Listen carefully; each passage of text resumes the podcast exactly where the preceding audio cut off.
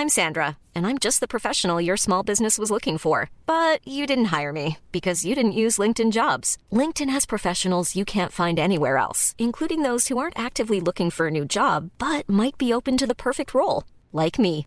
In a given month, over 70% of LinkedIn users don't visit other leading job sites. So if you're not looking on LinkedIn, you'll miss out on great candidates like Sandra. Start hiring professionals like a professional. Post your free job on linkedin.com/people today.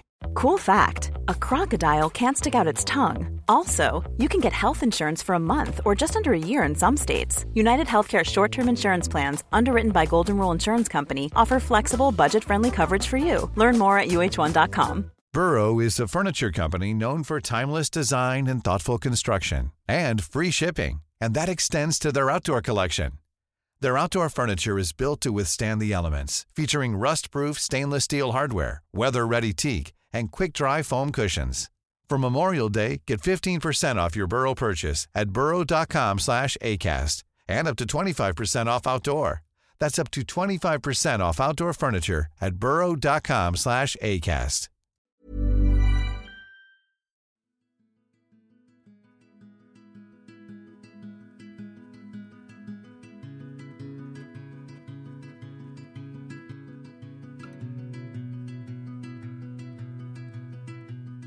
Hej och varmt välkomna till podden Sorgsnack. Det här är en podd som berör allt som har med sorg och svåra förluster att göra. När livet inte blev som vi hade tänkt, när något oväntat händer och hela ens liv vänds upp och ner över en dag och när vi tvingas ta farväl av någon vi älskar. Min förhoppning är att genom podden bidra till att hjälpa andra människor ge stöd, utbilda och sprida kunskap. Och inte minst inge hopp. Jag som gör podden heter Lia Persson, är journalist i grunden och även certifierad handledare i sorgbearbetning. Idén till podden föddes ett år efter att jag förlorade mitt första barn. Det här var början på mitt nya liv. Livet som nybliven mamma och samtidigt änglamamma.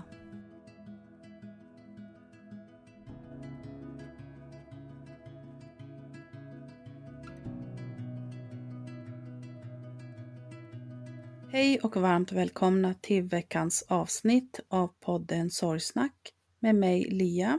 Idag har jag en ny gäst med mig, Eva Lindström, som kommer berätta om sin mamma som dog i cancer 2019 och närmare bestämt berätta om hennes sista tid i livet. Hej och varmt välkommen Eva. Hej, tack så mycket. Kan du berätta lite kort först och främst, vem är Eva för våra lyssnare? Jag är eh, eh, Eva då. Jag eh, är 44 år och jag bor i Stockholm och jag har två egna barn. Och ehm, jag förlorade min mamma då i cancer för fyra och ett halvt år sedan som har varit, ja det har liksom förändrat och påverkat hela mitt liv. Min mamma var min allra bästa vän eh, på jorden. Och eh, det har, eh, det var ju en lång resa. Hon var sjuk i flera år innan hon dog och det påverkar mig varje dag att jag inte har henne kvar liksom i livet. Ja, det kan jag verkligen förstå. Men vad var det som hände egentligen? Ja, min mamma var frisk, trodde vi. Hon Eh, hade som en sån klassisk, eller hon hittade en knöl i bröstet eh, som hon, eh, som visade sig vara cancer då. Hon eh, dolde det här för oss i början. Jag var gravid då med mitt eh, andra barn när hon blev sjuk och eh, då gjorde hon så att eh, hon, hon, gjorde så under hela sin sjukdomsperiod faktiskt att hon ringde till min sambo först och eh, berättade för honom så att han skulle vara hemma när, när hon liksom uppdaterade mig om sin sjukdom. För min, eh, det hör ju också till saken att min mamma bodde i England. Hon flyttade dit eh, eh när jag var 19, flyttade hon dit för hon blev kär och eh, flyttade då till England. Så att vi var ju inte i samma land. Sådär. Eh, och hon hittade den här knölen och jag fick ju veta det då. Eh, då var jag ganska i slutet på min graviditet och då jag tror inte riktigt att, eh, eller jag vet nu att vi inte förstod allvaret. Och så tänkte, jag tänkte nog och hon tänkte också att eh, det här går bra och hon fick behandling, strålning och cellgifter då var hon i England och jag hade ju då precis fått mitt andra barn. Så det var en period där vi inte kunde ses då eh, eftersom hon fick ju sin behandling och då ville man inte kanske att hon skulle träffa små barn och hon mådde ganska dåligt och sådär. Så det var tufft. Eh, men efter den behandlingen så, så, så, var det liksom goda, eller vad ska jag säga, goda nyheter då, att de sa att de hade fått bort det och eh, ja, vi tänkte väl att eh, det här blir ju bra. Och sen eh, var det så att eh, mm, i slutet på den sommaren så kom cancern tillbaka. Eh, och då kom den tillbaks i, eh, på levern. Eh, och då visade det sig att den cancern hon hade då var liksom någon så här jätteaggressiv bröstcancer som sprider sig i blodet och vi fick då besked att eh, den går liksom inte att stoppa. Utan eh, ja, ja, det går inte helt enkelt och den kommer komma tillbaka. Men hon fortsatte att ta emot behandling och sådär och eh, det var, hon fick jättemycket behandling, hon hade en jättebra läkare och det var väldigt mycket.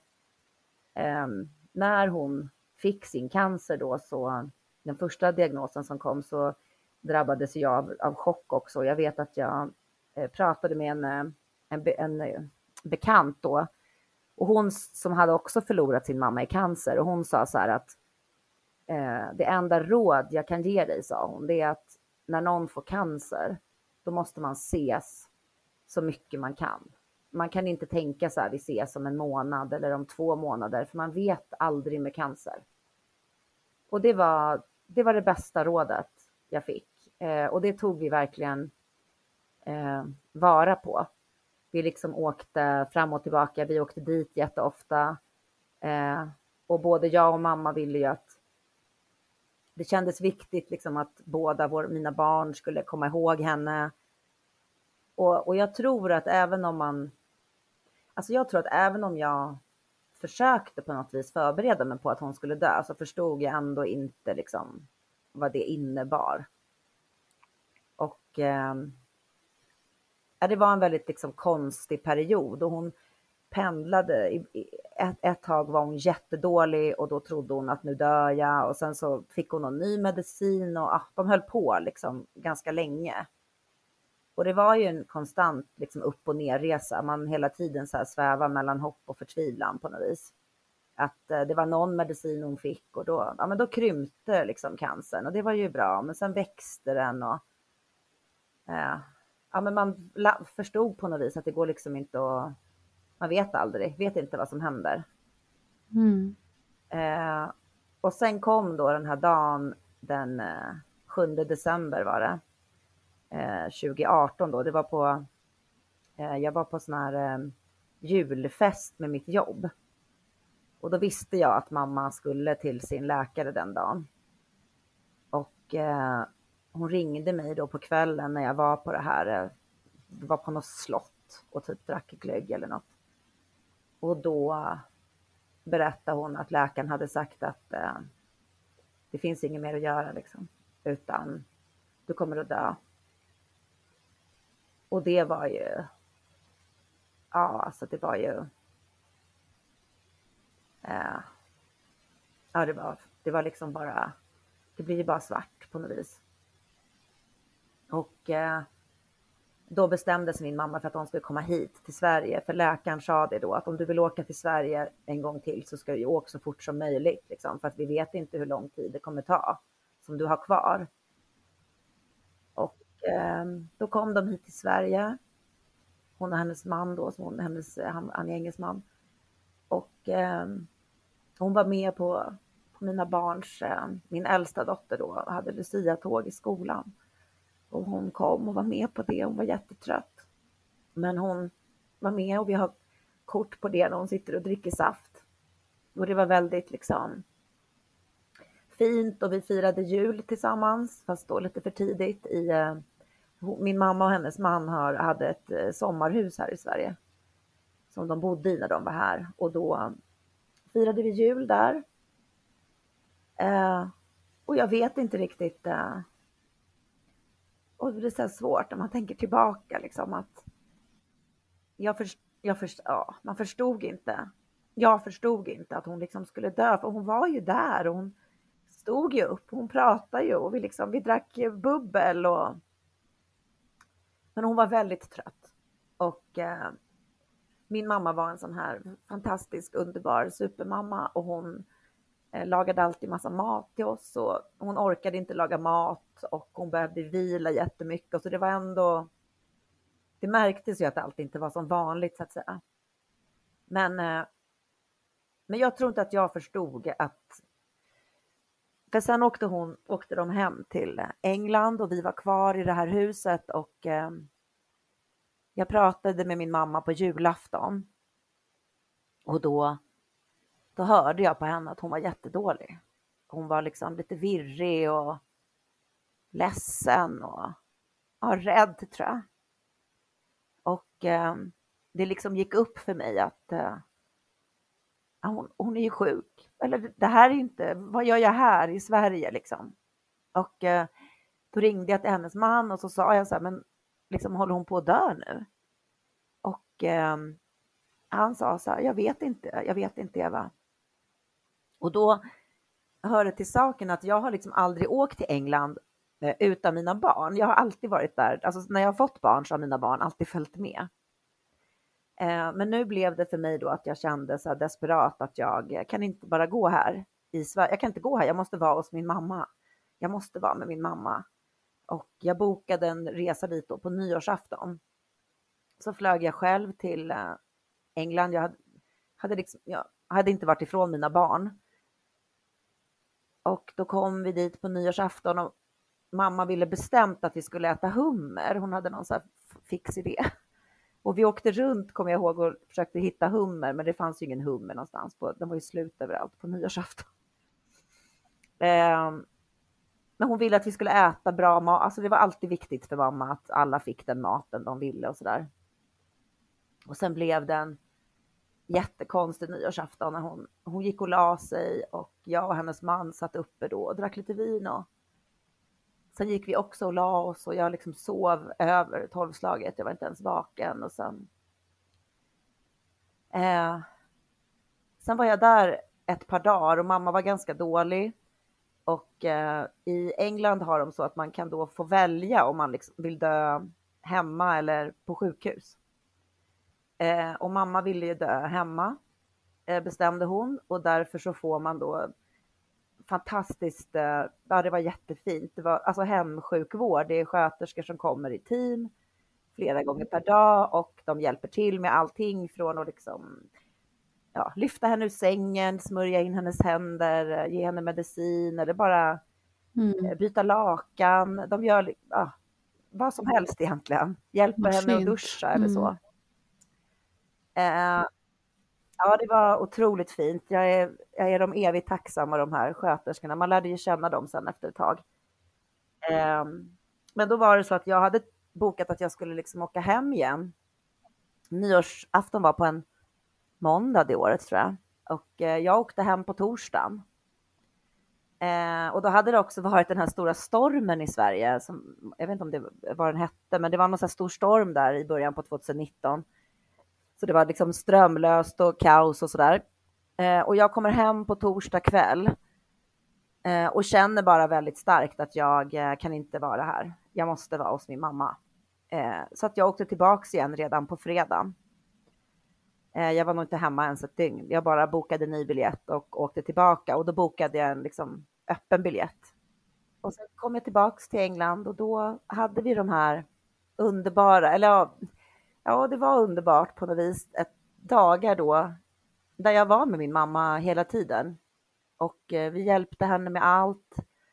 Jag hjälpte henne att duscha och jag hjälpte henne att gå på toaletten och vi skojade om att eh, hon tog hand om mig när jag var liten och behövde hjälp och nu var det min tur att ta hand om henne. Och eh, vi satt där och vi pratade. Hon hade fått en eh Eh, sjukhussäng som stod i deras eh, sovrum. Och vi lagade mat, den maten som hon var sugen på och det var alltid, hon ville ju inte äta så mycket men vi ville ju att hon skulle äta så vi eh, turades om och så lagade vi mat som vi bar upp och åt uppe i hennes rum där på kvällarna och eh, jag bara var, var med henne. Eh, ja, var med henne bara, var nära. Höll henne i handen, kramades. Och eh, mamma pendlade mellan att tänka att nej, men det här går nog bra. Jag, jag kommer nog leva ett halvår till. Eh, men sen gick det ganska snabbt då. Efter någon vecka så. Ja, hon blev sämre. Och det som eh, var liksom avgörande för mig, det var eh, vid ett tillfälle då när de här sköterskorna var där och de höll på eh, bäddade rent i hennes säng och de stökade lite där med henne och så. Och då så sa hon till dem, eh, how long? How long, sa hon. Och då förstod jag att hon liksom, hon frågade dem hur, hur lång tid, liksom, hur lång tid är det kvar egentligen?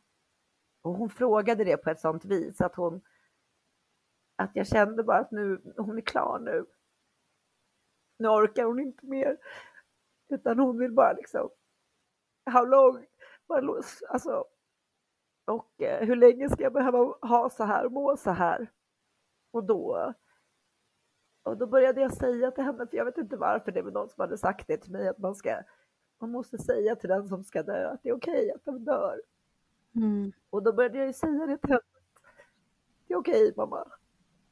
Du har liksom kämpat i flera år och vi kommer klara oss hon var ju hon var väldigt orolig för hur, hur, jag, hur jag framförallt skulle klara mig utan henne. Min mamma och jag var liksom otroligt nära. Hon var min, alltså jag har aldrig haft en tjejkompis eh, så nära och jag kommer aldrig ha det heller. Men eh, hon var liksom min allra bästa vän i hela världen som jag berättade allt för. Och eh, det är väldigt svårt att säga, säga till den personen att det är okej okay, liksom.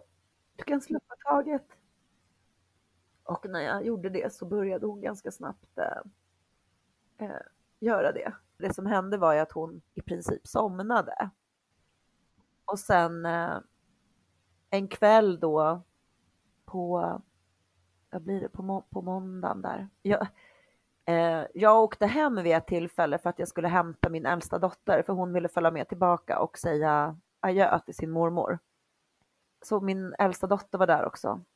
Och då så började min mamma andas väldigt konstigt och eh, det var en läkare som var där också på eftermiddagen. Då hade redan då andningen blivit lite konstig och då sa den här läkaren till mig att eh, många tror liksom att man dör eh, som man gör på film, att man andas sådär bara lite långsammare och sen är det över.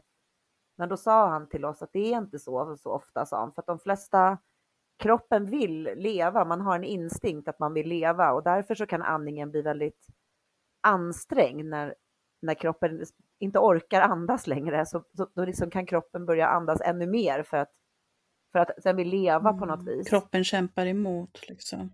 Ja, men precis. Ja. Och det var väldigt obe ganska obehagligt med den här andningen som var väldigt ansträngd och sen på kvällen, då satt jag där med henne i en fåtölj i hennes rum.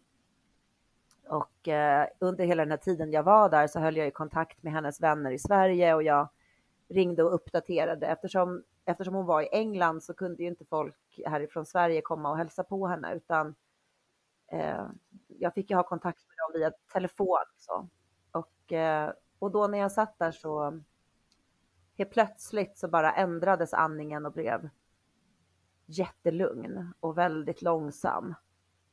Och då kände jag så oj nu, nu händer det någonting och då ropade jag på eh, ja, hennes man och eh, de som var där att nu, nu är det nog liksom slut. Och eh, vi satt där hos henne och vi visste inte riktigt vad vi skulle göra. Och eh, då bestämde vi att vi skulle gå ner och hämta lite vin, vi, eller whisky. Vi, vi kände att vi behövde ha lite whisky, jag och hennes man. Vi gick ner i köket eh, och då dog hon. När vi, eh, när vi kom upp igen så hade hon gått bort. Då. Alltså egentligen så är det ju då på något vis, alltså våran kamp börjar. Alltså vi som är kvar liksom. Mm. Hennes kamp är ju slut, men för oss som är kvar så är det ju bara... Jag vet inte hur jag tog mig fram faktiskt. Eh, det var tungt. Vi åkte ju hem därifrån sen och bara åka därifrån och dels var det ju, hade det ju varit väldigt intensiva veckor så att jag var ju ganska trött. Eh, jag tappade jättemycket i vikt till exempel. Jag kunde inte äta när jag var där och eh, så att jag, jag, var ju, mådde ju inte så bra kanske, alltså varken fysiskt eller psykiskt så. Men sen börjar ju liksom den, den andra kampen, att man ska leva vidare. Så det är ju som ett, eh, ett liv med mamma och det är ett annat liv. Det är ett liv före och efter. Utan mamma liksom. Ja, Men hur gick det till rent praktiskt när ni var där och hon tog sitt sista andetag? För du nämnde tidigare att det fanns sjukvårdspersonal på plats. Vad hände då direkt efter? Det som hände då eh, när hon hade dött så att säga, det var att vi fick ju ringa och det kom läkare okay, och liksom död, dödförklara henne. Nej, det var ingen läkare där då, utan vi ringde dem och sa att nu är det över. Liksom. Och eh, då kom de. Eh, så vi sov med henne. Hon låg kvar i sin, den här sängen. Jag vet inte riktigt vad jag tänker om det nu. Jag tänker nog att det var ganska skönt. Hennes man fick ju, sov ju liksom i den, inte i den sängen, för hon låg ju i sin sjuksäng, men hon låg kvar där under natten och eh, när vi på morgonen sen på dagen efter skulle vi åka hem, för det, det var ju bara som en, ja, allting var ju så konstigt när man flög fram och tillbaka och så här. Då låg hon kvar där, så vi kunde liksom pussa henne farväl på något vis, men jag, jag har inte känt, alltså min mamma sa till mig, eh, när vi, när hon, alltså de här sista veckorna när jag, jag sa ju till henne flera gånger att jag vet inte hur jag ska kunna leva utan dig. Det är liksom, jag vet inte hur jag rent, jag vet inte hur det ska gå, för att hon har varit en, alltså jag har pratat med henne i telefon vet, flera gånger om dagen. hon, hon är liksom den viktigaste i mitt liv efter mina barn. Mm. Och eh, jag sa det till henne att jag vet inte hur jag ska kunna leva utan dig. Och då så sa hon alltid, men det kommer du inte, sa hon. Jag kommer vara med dig. Jag kommer vara med dig. Det känner jag väldigt starkt att hon är. Att hon är med mig. Och det försöker jag liksom luta mig mot, att hon, hon är med. Och ofta är det ju så att jag vet ju vad hon skulle säga. Första åren så var det ju, då ville jag ju ringa henne hela tiden. Det var jättekonstigt att så fort det hände något så ville jag ju ringa till min mamma. Och eh, det är väldigt svårt när man eh, det, det är liksom en ensamhet som är svår att förklara för att jag är ju inte ensam. Jag har en familj och vänner och eh, jobb och alltså så. Mm. Min sorg kring min mamma, den är väldigt, uh, den är svår för mig att dela med andra för att den är så himla liksom i mig. Och det gjorde det också ganska svårt för mig att vara ett bra stöd för mina barn till exempel. Det, det var svårt för mig att och vara ett stöd för någon annan eftersom jag själv var så, alltså min egen sorg var otroligt tung. Och eh, första åren så, då kunde jag slås till marken nästan, och bara tappa andan och ramla ihop när jag kom över. Det var som att känslorna bara kommer, gud mamma är död och då. Mm.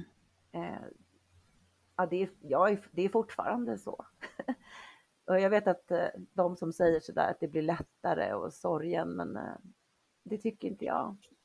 Jag tycker nästan att det blir tyngre på något vis för att det är liksom, ja, varje dag är ju en dag utan henne på något vis. Även om jag brukar tänka ibland att varje dag är också en dag när, närmare henne.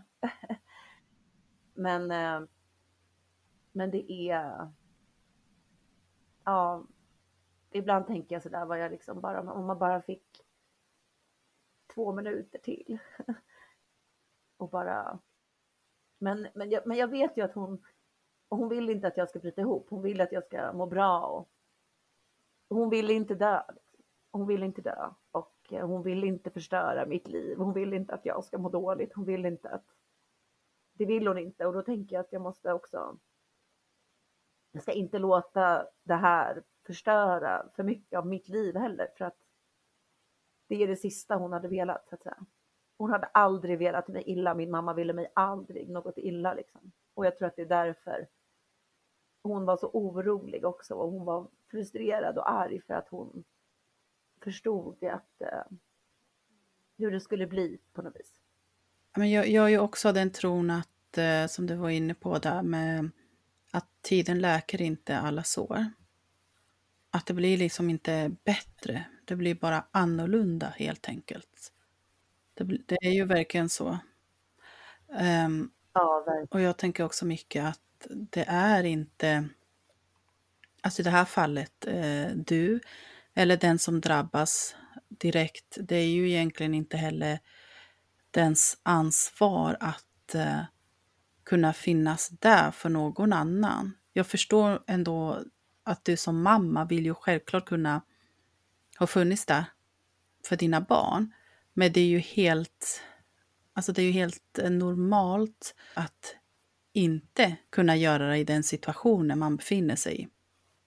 Eh, för det, det, orkar man inte, eller Nej. man klarar ju inte Nej, av det. det. Ju... Man har ju fullt upp med sin egen sorg självklart.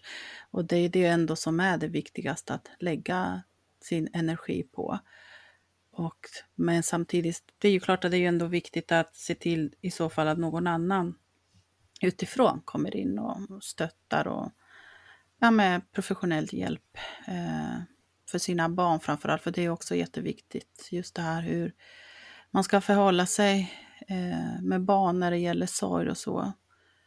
Att de behöver ju också få prata av sig och eh, de förstår ju så mycket mer och vad man tror. Ehm. Ja, alltså våra barn var ju, de var ju väldigt delaktiga i det här hela tiden. Vi, vi dolde ingenting för dem, utan eh, min, min yngsta var ju bara tre när hennes mormor dog och för henne har det varit en process att just det här att mormor aldrig kommer tillbaka. Hon kan ju fort, idag är hon sju år, men hon kan fortfarande ibland säga, är det, är det helt säkert att mormor inte kommer tillbaka? Eh, och hon har ju varit eh, frustrerad och arg över att det inte fanns någon medicin och det här att det är orättvist och varför skulle mormor dö? Och, eh, men vi pratar ju väldigt mycket om mormor och eh, där var vi också som familj är man ju också tvungen att på något vis respektera varandras sätt att sörja. Att, jag, har nog, jag har ju velat prata mycket om min mamma och mormor då som hon kallas hemma hos oss. Och eh, Eh, mitt äldsta barn har inte velat prata. Hon har varit mer så här, hon tycker att det är jobbigt att prata om det. Och det blir också att man ska mötas som familj i liksom olikheterna kring att bearbeta sorgen. Men det jag tycker är viktigt och som känns viktigt för mig och som var en del i när min mamma blev sjuk, det var att eh, jag vill att mina barn ska komma ihåg henne. Jag var jätterädd att mitt yngsta barn skulle glömma sin mormor. Men det har hon inte gjort, utan vi pratar jättemycket om mormor och vi, hon är liksom en stor del av vårt liv fortfarande. Och det är ju eh. jättebra att man just fortsätter att prata om, om den som man har förlorat. Det är så man håller henne, inte vid liv, men eh, det, det är ju på något vis så, när någon dör sådär så är det ju som att alla min mammas eh, minnen och alltså, allting som fanns i min mamma, som finns i alla människor, alltså erfarenheter av livet, de dör ju också. Och det är det som jag kan känna nu så att ja, jag skulle ha lyssnat bättre när hon berättade om sin, om sin gamla farmor eller något. Mm. För att nu kommer man ju inte ihåg. Eh, det är så mycket jag trodde jag skulle minnas som jag inte minns.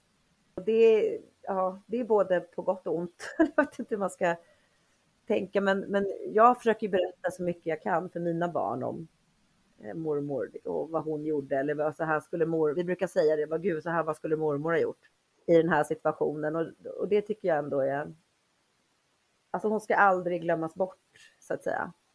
hon var ju en magisk eh, människa och det, det är väl också som barn att Eh, jag har tänkt mycket på det här att eh, man, man, alltså ingen, det här, var, det här var en process för mig att gå igenom när jag var väldigt eh, låg ett tag, att, att ingen kommer älska mig så igen som min mamma älskade mig. För att alltså barn tänker jag, barn älskar inte älska sina föräldrar som föräldrar ska älska sina barn. Alltså, kärleken från mig som förälder är någonting annat än Eh, som barn ger till mig.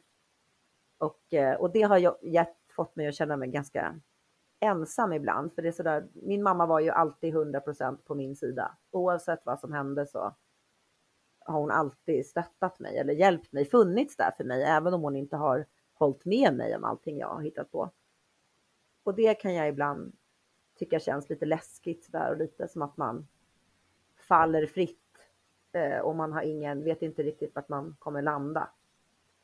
Eftersom jag alltid har kunnat landa hos min mamma och nu är jag, ja, man är liksom ensam i, i världen på något vis. Men vilken fin relation ni hade. Det är en sån relation man själv önskar man kan få till sina barn när de växer upp. Ja, det är det jag, det, är det jag tänker att jag eh, kan hedra henne genom att försöka vara en lika bra mamma till mina barn. Och på något vis är det ju som att alltså utan min mamma så skulle jag inte vara den mamman jag är.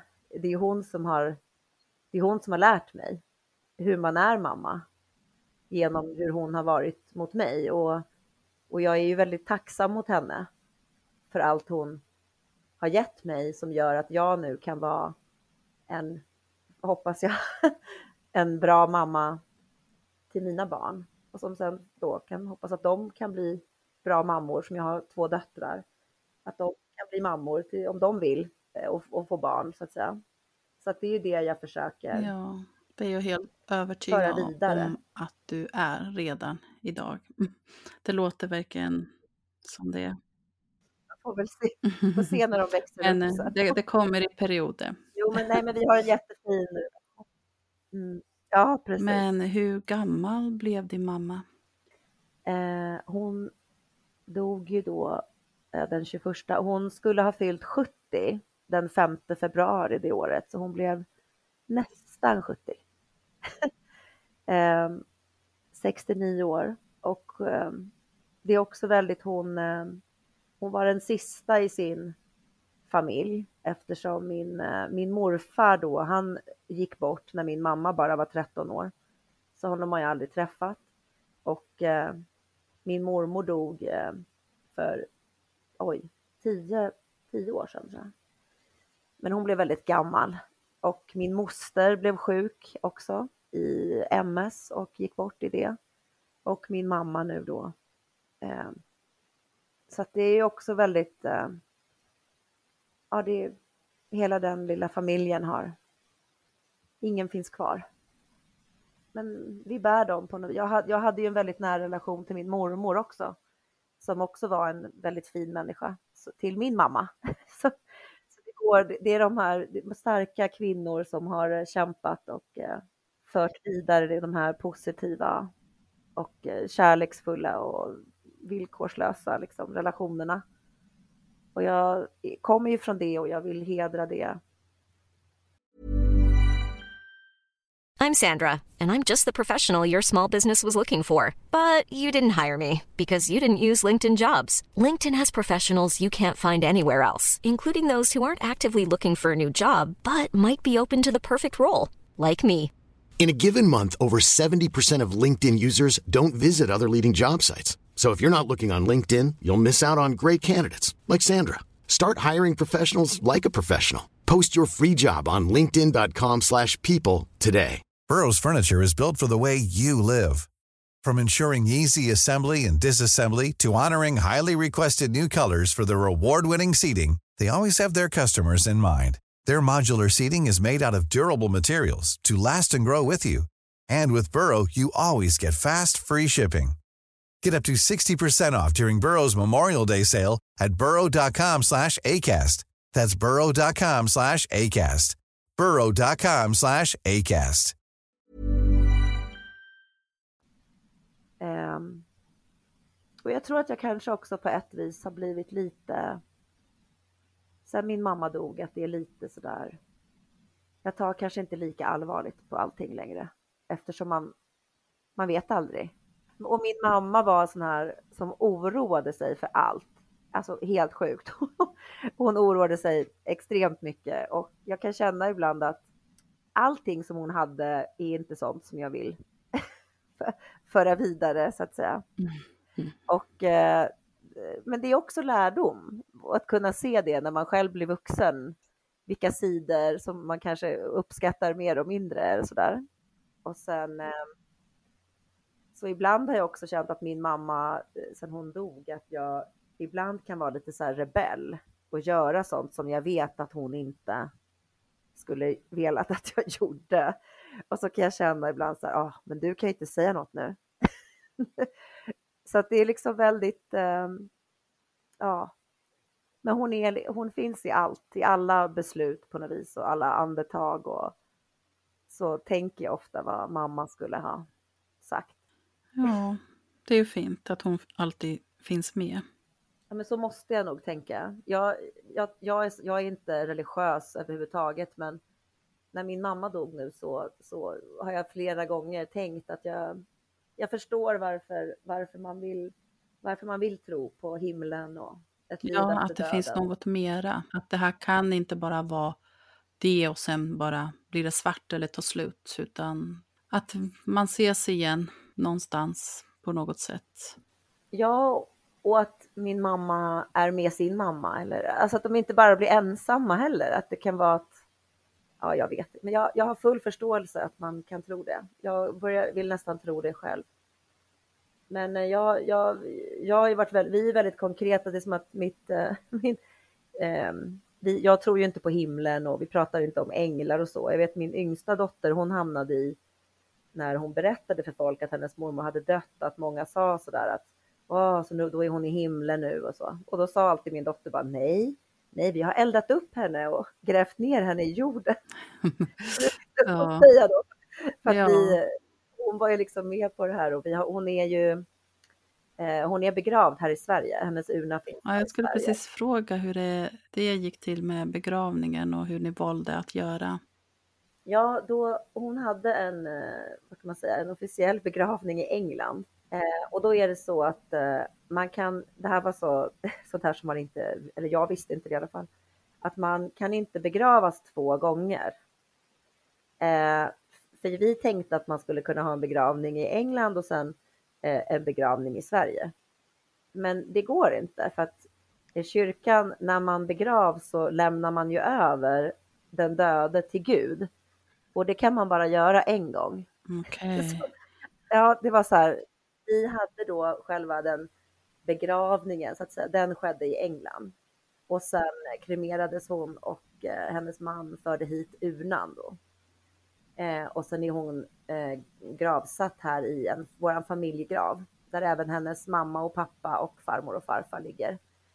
Och eh, vi, ja, det finns många platser i den graven, så jag tänker också lägga mig där. Nu dog ju min mamma precis innan pandemin drabbade världen. Och eh, när hon dog så, jag flög ju fram och tillbaka hela tiden och det var ju egentligen bara en ekonomisk fråga att köpa flygbiljetter, men flyg till, eh, till London går hela tiden. Men jag tänkte mycket på det när pandemin kom, att det blev väldigt eh, dubbelt då, eller delade känslor för att såklart ville jag ju att min mamma skulle ha levt längre. Men, men jag var också glad att hon fick dö innan pandemin, för det hade varit fruktansvärt att liksom inte kunnat vara där. Eh, och det tänkte jag mycket på när alla flygen ställdes in och hela världen stängde ner. Då tänkte jag mycket på dem som kanske befann sig där, där jag hade varit och inte, skulle, inte hade möjlighet att vara hos, hos sina, den man älskade och de som inte fick säga farväl och jag hade ju bekanta vars föräldrar gick bort på ålderdomshem och där man inte fick komma dit eller eh, och det gjorde ju på något vis också lite, det gjorde mig ödmjuk inför vad jag hade gått igenom.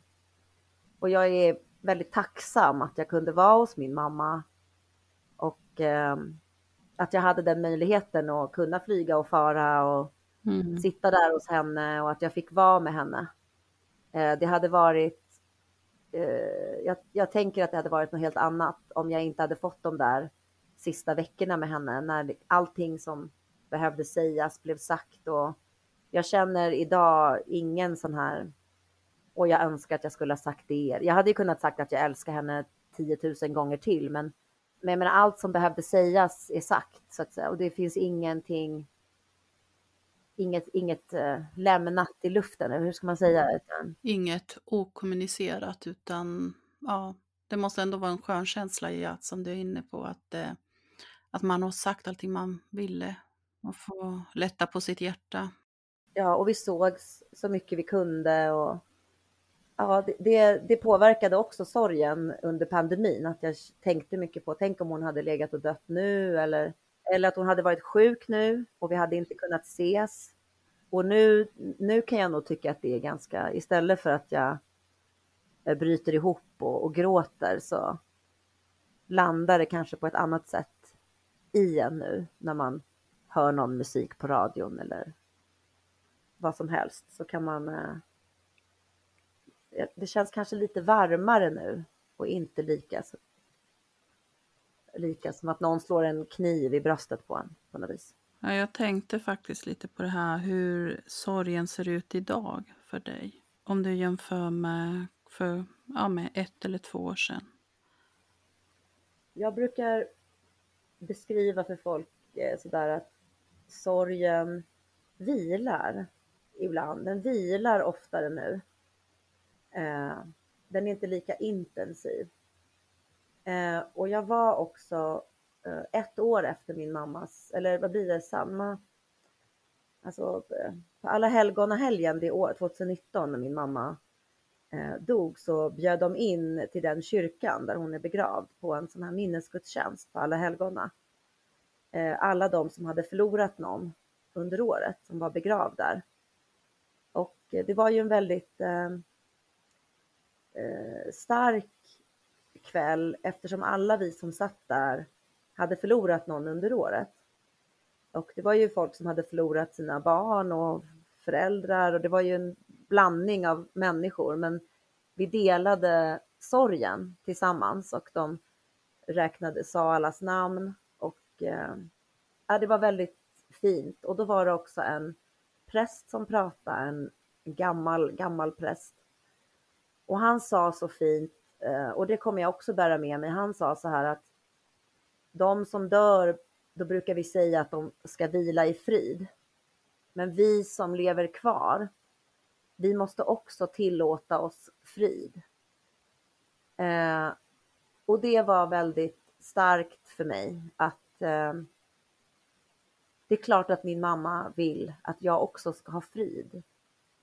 Eh, och det, det, de här orden som han sa hjälpte mig i, min sorg, i mitt sorgarbete också. Att det, det är liksom okej okay att, att känna frid. Så att, så. Och det, det förändrade nog min sorg och idag är den inte lika...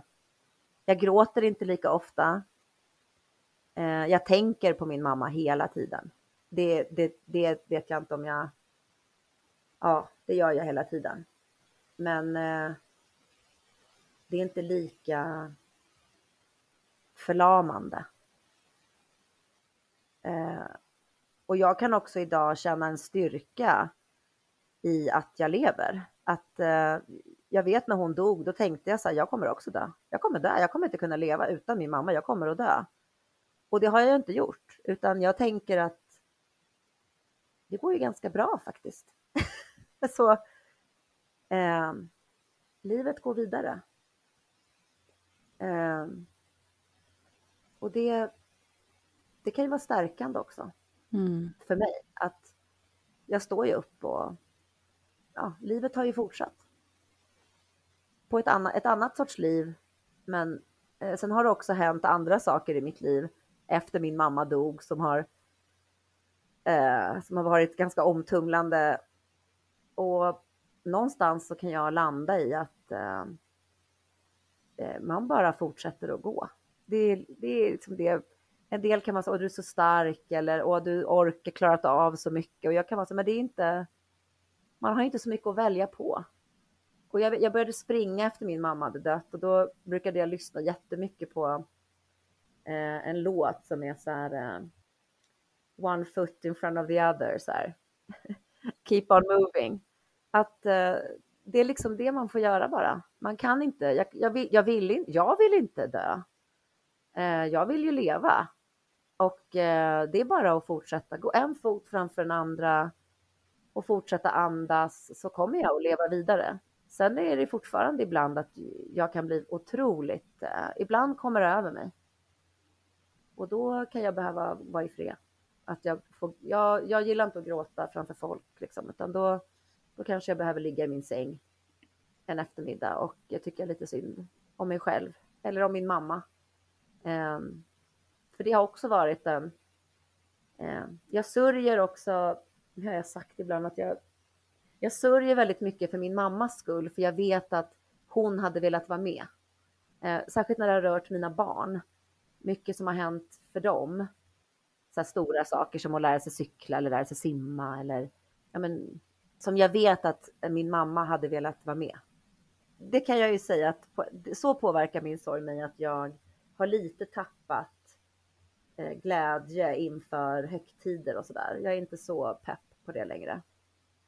Jag tycker att julen är ganska jobbig för jag vet att min mamma hade velat vara med. Eh, och det där, jag vet inte om det är så typiskt att säga, men eh, men ja. Jag tycker att sådana högtider är ganska jobbiga. Jag vet första året efter hon hade dött så fick jag panikångest när jag gick på min dotters Lucia-tåg för att jag, jag klarade inte av det helt enkelt. För att jag tänkte på min mamma och jag tänkte att min mamma hade velat vara där mer än vad jag var nästan. Ibland känns det som att jag bär min mammas sorg över att hon inte får vara med och se sina barnbarn växa upp. Ja, Ja, men det förstår jag att man, eller att du tänker så att det, det är ju klart att hon hade velat vara med också. Och det är just det här att eh, det blir så jobbigt när man förlorar någon man älskar. Med högtider, årsdagar, födelsedagar. Det blir ju aldrig riktigt som det var innan. Det blir inte samma sak. Och man måste försöka hitta nya sätt att förhålla sig till alla de här högtiderna och så.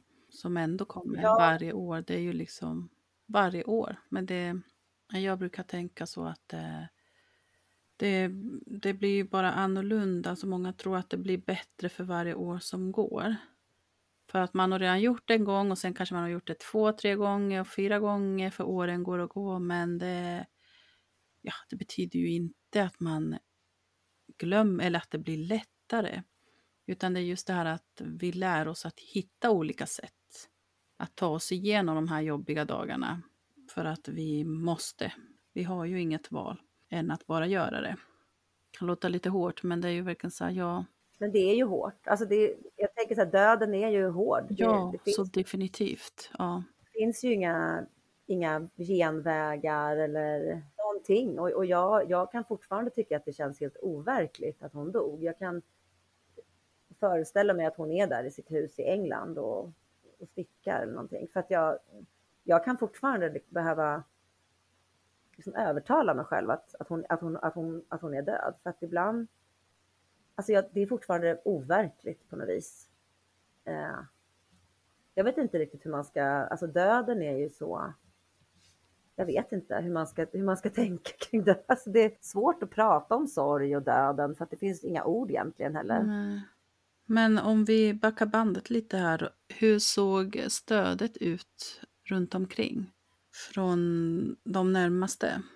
Känner du att du fick rätt stöd eller hade du önskat att det hade sett annorlunda ut? Nej, men jag känner att jag, jag fick det stöd som jag ville ha. Eh, jag, är alltid, jag är lite som person så att jag är lite så ensam är stark. Mm. Eh, och det jag behövde mest var nog eh, att få vara i fred och få möjlighet att vara det när jag behövde det och få vara med min sorg. Eh, och det fick jag. Eh, jag vet att jag kände just alltså precis efter, jag tror att alla runt omkring mig och eh, när min mamma dog, eh, alla visste ju att hon och jag var så nära. Och jag kände absolut att alla respekterade och liksom gav mig det, att det här var tungt för mig. Eh, och, och jag fick, fick ha det. Sen vet jag att jag, jag kände lite dåligt samvete gentemot min sambo för att han var också väldigt nära min mamma. På vissa sätt var han närmare min mamma än vad han var sin egen mamma. Eller är, är, är sin egen mamma ska jag säga, för hon, hon lever faktiskt. Men eh, han fick kanske inte riktigt eh, utrymme. Jag, jag, jag, nej, men jag tog mig den sorgen jag behövde. Eh, jag kan önska att jag kanske hade varit lite, nu eh, efteråt, att jag skulle varit lite mer öppen och så, men det var, det var väldigt svårt för mig. Men ja, jag fick det stödet jag ville. Jag hade ett fantastiskt, en chef som var väldigt, ställde upp väldigt mycket. Jag jobbar ju som förskollärare på, med ganska små barn och jag var inte hemma så länge från jobbet faktiskt efter att min mamma dog. Jag var hemma ja, någon vecka tror jag var jag hemma och var sjukskriven och sen, eh, sen valde jag att gå tillbaks till jobbet och det var jättebra. Jag tänker att eh, när man har sorg och är ledsen så är ju barn eh, fantastiska att vara med. Eh, de, de, tog också hand om mig eh, och jag landade väldigt mjukt i min, eh, i min barngrupp som visste att min mamma hade dött och de ställde vi hade många fina samtal. Och de var också, mina, alla mina kollegor var med på att jag kanske ibland behövde gå ifrån. Om jag blev väldigt ledsen så kunde jag gå in i personalrummet och gråta en stund. Och det gjorde jag ibland.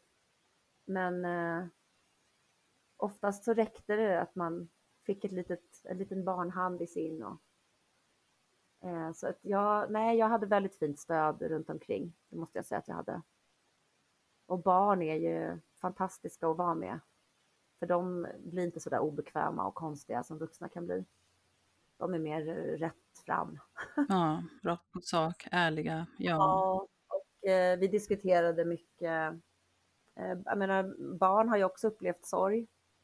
Eh, barn upplever ju, nu var det inte, eh, ibland det finns ju små barn som också förlorar sina föräldrar. Mm. Eh, och det kan ju också bli ett sätt att dela det att möta någon annan. Ja, men precis. Mm. Och jag, jag är väldigt, eh, var väldigt tacksam eh, för mitt jobb. Och fina kollegor och, och en väldigt stöttande chef framförallt. Som, eh, så det kändes väldigt bra och jag tänker att i Sverige så vi har ju ett fint stöd här, att man kan vara sjukskriven och alltså det finns ju, det är väldigt liksom, lyxigt i Sverige, för mig i alla fall upplevde jag att man, det finns ju stöd. Och jag kan gå hem från jobbet om jag vill. Och, eh, så jag tyckte att det var väldigt fint. Och kyrkan där min mamma begravdes var också, erbjöd också fint stöd. Ja, vad härligt att höra. Det är ju verkligen så viktigt. Ja. Och just med det här som du är inne på, att oavsett hur jag vill ha det, just att man får det stödet man själv vill ha och behöver. För det är ju individuellt för alla. Vi är ju alla eh, olika individer och sörjer på olika sätt. Men det är just det viktiga att man faktiskt får känna att eh, jag får göra det här precis så som jag vill och behöver. Ja, verkligen. Och, jag, och det, har jag, det har jag tagit med mig och, och lärt mig av det här också, att eh, man inte ska ge så många goda råd. jag tänker att det där rådet som jag fick, att man behöver ses så mycket man kan, det var, det var väldigt bra råd. Eh, och det vill jag ge till alla. Det, det, brukar, det har jag använt mig av när jag har träffat folk i, i mitt liv som har haft sjuka eh, föräldrar eller eh, vem som helst anhöriga, att, eh, att man måste ses eh, så mycket man kan, för man vet inte när liksom sista gången man ses. Och det var ett väldigt bra råd. Mm. Eh, men sen det här med med sorg och så, det, det tyckte jag var så bra när jag upptäckte dig och så, att för jag tycker att vi pratar alldeles för lite om sorg. Och eh, jag, jag håller med. Och folk, ja, och folk blir väldigt obekväma och eh, det blir många sådana där floskler som du pratar om också, så här, tiden läker alla sår, blä, blä, blä. Men jag håller med dig att sorg är ju otroligt individuellt eh, och man kan aldrig döma någon för sorg eller att man skrattar eller gråter eller jag vet, jag gick en kurs för jättelänge sedan som Svenska kyrkan hade som handlade om barn och sorg som jag i, som en del i mitt jobb då, att möta barn som sörjer. Och eh, då pratade de mycket om att eh, barns sorg är randig. Ja, precis. liksom och jag känner att och min sorg är också randig. Jo, jo, absolut, jag håller med dig. Vi vuxna kan ju också sörja randigt. Ja, det är inte bara barnens sorg, utan, eller kanske jag som är, jag är i och för sig väldigt, jag är väldigt förtjust i barn, jag föredrar ju barn, visst, före vuxna om jag får välja, men jag tycker att det är väldigt fint och, och skönt och befriande att tänka att sorgen är randig. Man behöver inte gråta hela tiden, eller grå, man behöver inte gråta alls. Ja, och det är, det är på något vis som livet. Jag tänker som även när min mamma levde, då var väl vår relation randig också. Alltså det är så, jag menar, man är, vi har ju bråkat genom åren hon och jag också, men det... det ja, det är ju livet. Alltså, ja. Det fina är ju bara att, ja, för mig är det att jag känner att hon, hon är med mig, hon är ju i mig. Jag kommer ju från henne och jag vet, jag brukar säga till mina döttrar att eh, de, när de var ägg inuti mig så låg de också i sin mormor. Mm. Att mormor har burit även dem. Eh, och det brukar min yngsta tycka, det brukar hon prata om att hon tycker det är fint. Och jag säger, för då fanns du i min kropp när jag låg i mormors kropp. Och att vi alla hänger ihop. Och att vi bär varandra genom livet men också i döden och sorgen. Och jag tror att jag är lite mindre rädd för döden idag. För att jag tänker att jag överlevde ju. Nu, nu såklart är, väl, är det det värsta att, mina, att det skulle hända mina barn någonting. Men för, min, för mig att min mamma dog var eh, liksom det värsta jag kunde föreställa mig då. Och jag tror att... såklart det är ju det värsta i din, i din värld och det är det värsta som har hänt dig. Så det är ju klart, ja. ja. Jag har ju överlevt. Jag har ju klarat det och jag sitter ju här idag och jag pratar med dig och eh, jag tycker fortfarande att det är ganska jobbigt att titta på bilder av min mamma som är från precis innan hon fick sin cancer, eller innan hon upptäckte sin cancer. För då sitter jag så tittar jag på dem och så tänker jag så här, ja, undrar om hon hade, hade hon cancer då? Och då kan jag ibland bli rädd att tänk om jag också har cancer, fast jag inte vet det. Men eh, man kan inte gå runt och vara rädd heller. Man får bara leva. Ja. En fot framför den andra och fortsätta gå. Tar det slut så tar det slut och det har jag sagt till mina barn när de är sådär att du får inte dö i alla fall mamma. Och då kan jag vara så nej men nej men om jag gör det så kommer ni klara er ändå. För det gör man. Det kommer vi alla göra förr eller senare. Det är ju just det här också varför det är så viktigt att faktiskt våga prata om det. Om döden för att det är en stor del av livet. Så är det ju. Det är också för de som blir kvar. Så är det ju så här, det är ju inte, det, har ju, det är ju inte helt lätt när någon dör. För man tänker att det var mycket som man inte pratade om som man borde ha pratat om. som, som man står där sen efter och kanske inte vet eller eh, om hur man vill ha det till exempel. Eller, ja. Min mamma hade bestämt hur hon ville ha sin begravning och eh, till viss del, hon hade mest bestämt om mottagningen. Att vi skulle dricka jättemycket champagne och ha fest. Absolut inte någon slags fika och sitta och gråta utan och sen hade hon också gjort, eh, bestämt några låtar som hon ville att jag skulle spela upp. Det blev en helt galen liksom, begravning. Ja, väldigt mycket champagne. Det blev som hon hade drömt om tror jag. Ja, men vad fint. Så, ja. Men då blev det ju jättebra. Om det blev så precis som hon ville ha det ju. Ja, mm. och jag vet också att jag har tänkt så efteråt att allting har inte blivit som hon ville, men, men hon är okej okay med det. Finns det något mer du vill dela med dig av som vi inte har varit inne på kanske? Så jag skulle nog kunna prata om min mamma i flera dagar jag är jätteglad att jag får prata om henne. Jag tänker att hon hade tyckt om det.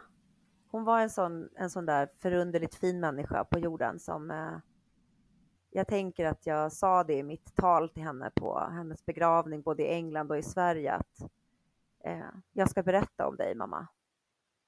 Eh, jag ska berätta om dig för att du, liksom den du var och vad du gav och, och då känns det väldigt fint att jag, att jag har fått göra det. För att hon, eh, hon förtjänade så mycket mer än hur det slutade.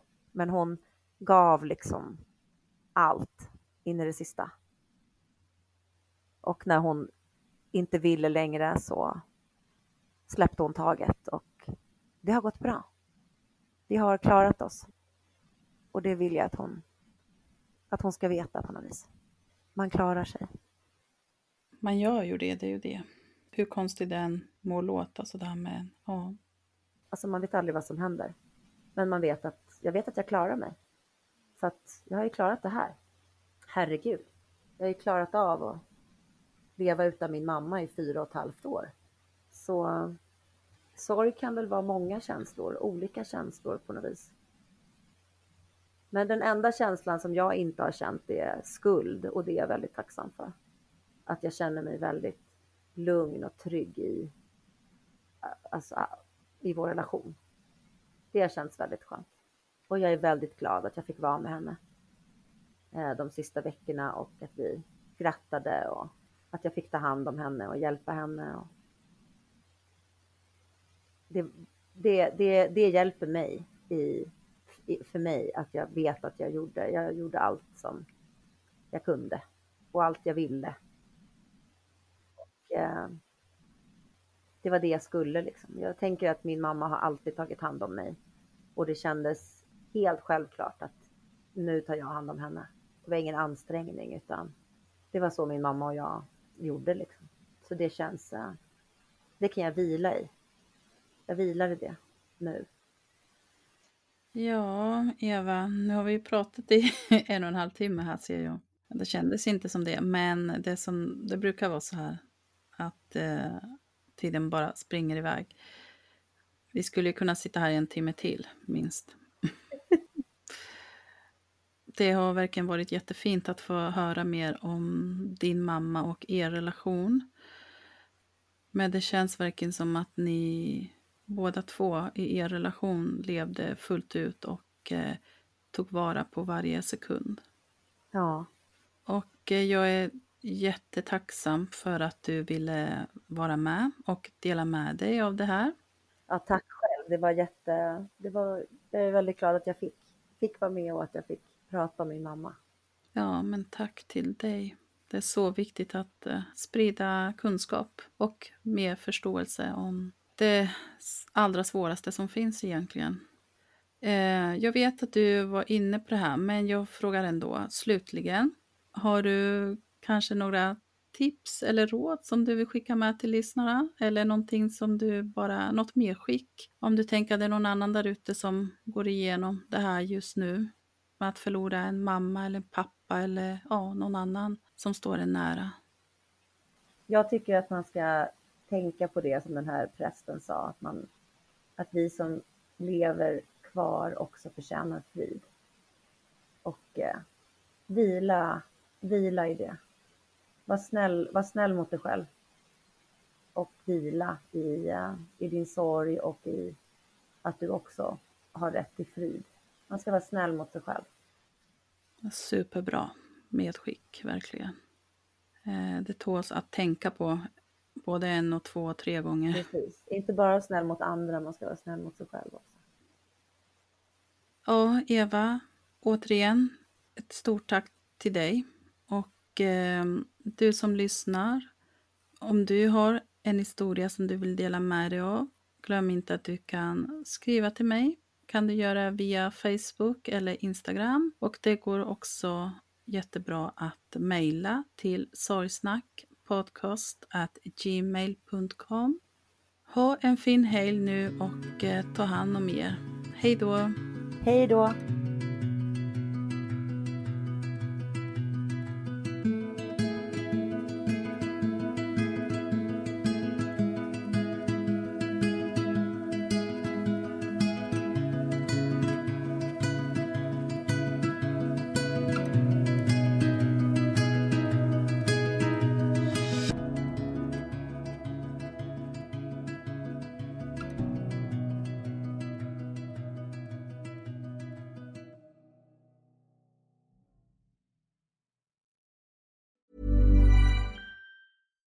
We're on a budget, we still deserve nice things. Quince is a place to scoop up stunning high-end goods for 50 to 80% less than similar brands. They have buttery soft cashmere sweaters starting at $50, luxurious Italian leather bags, and so much more. Plus, Quince only works with factories that use safe, ethical, and responsible manufacturing. Get the high-end goods you'll love without the high price tag with Quince. Go to quince.com slash style for free shipping and 365-day returns.